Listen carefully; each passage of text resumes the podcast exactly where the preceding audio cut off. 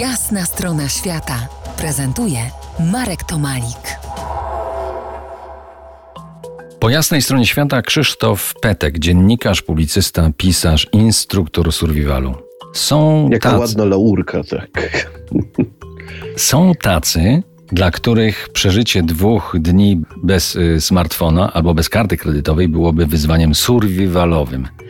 Słyszałem, że i takie obozy przetrwania są realizowane. Pewnie też słyszałeś. No słyszałem i słyszę od lat, dlatego że od trzech dekad sam jestem instruktorem survivalu, a ponieważ od z górą 25 lat przygotowuję, piszę książki przygodowo-sensacyjne dla młodzieży, to właśnie takich młodych ludzi, nastolatków odrywam czasem kleszczami niemal od komputera, od klawiatury, od przygody cyfrowej, zabieram ich w teren.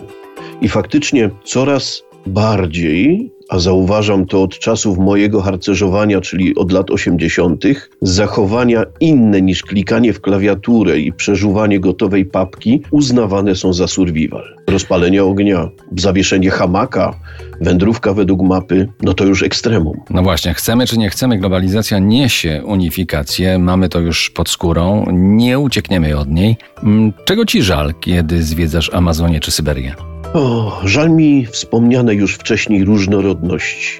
Tego absolutnego oderwania, że wchodzę do czyjegoś domu i mam pewność, że zobaczę inne meble, inny dywan, a dziś już tak nie jest. Czy to jest na targu w Manaus w Brazylii, nad Rio Negro, czy to jest w Peru, czy może jestem w Pietropawłowsku Kamczackim, na Kamczatce, w mieście 200 tysięcznym, do którego żadna droga nie prowadzi. To na targu i tak królują Ken i Barbie, to telewizory są te same.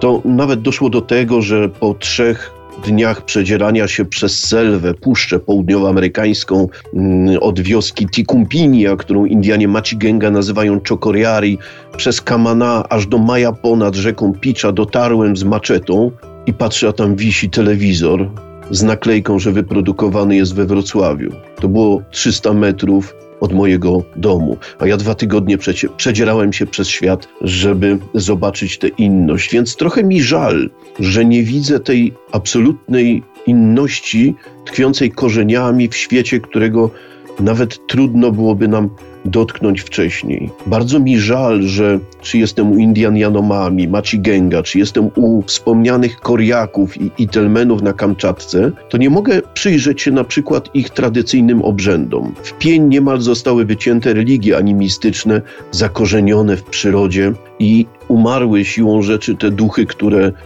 krążyły nad nimi zgodnie z tradycją dziadów.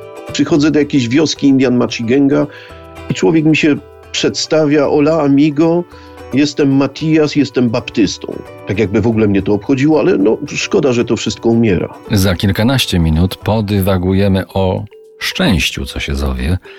Takim szczęściu z obserwacji w czasie podróży, rzecz jasna. Zostańcie z nami. To jest Jasna strona świata w RMS Classic.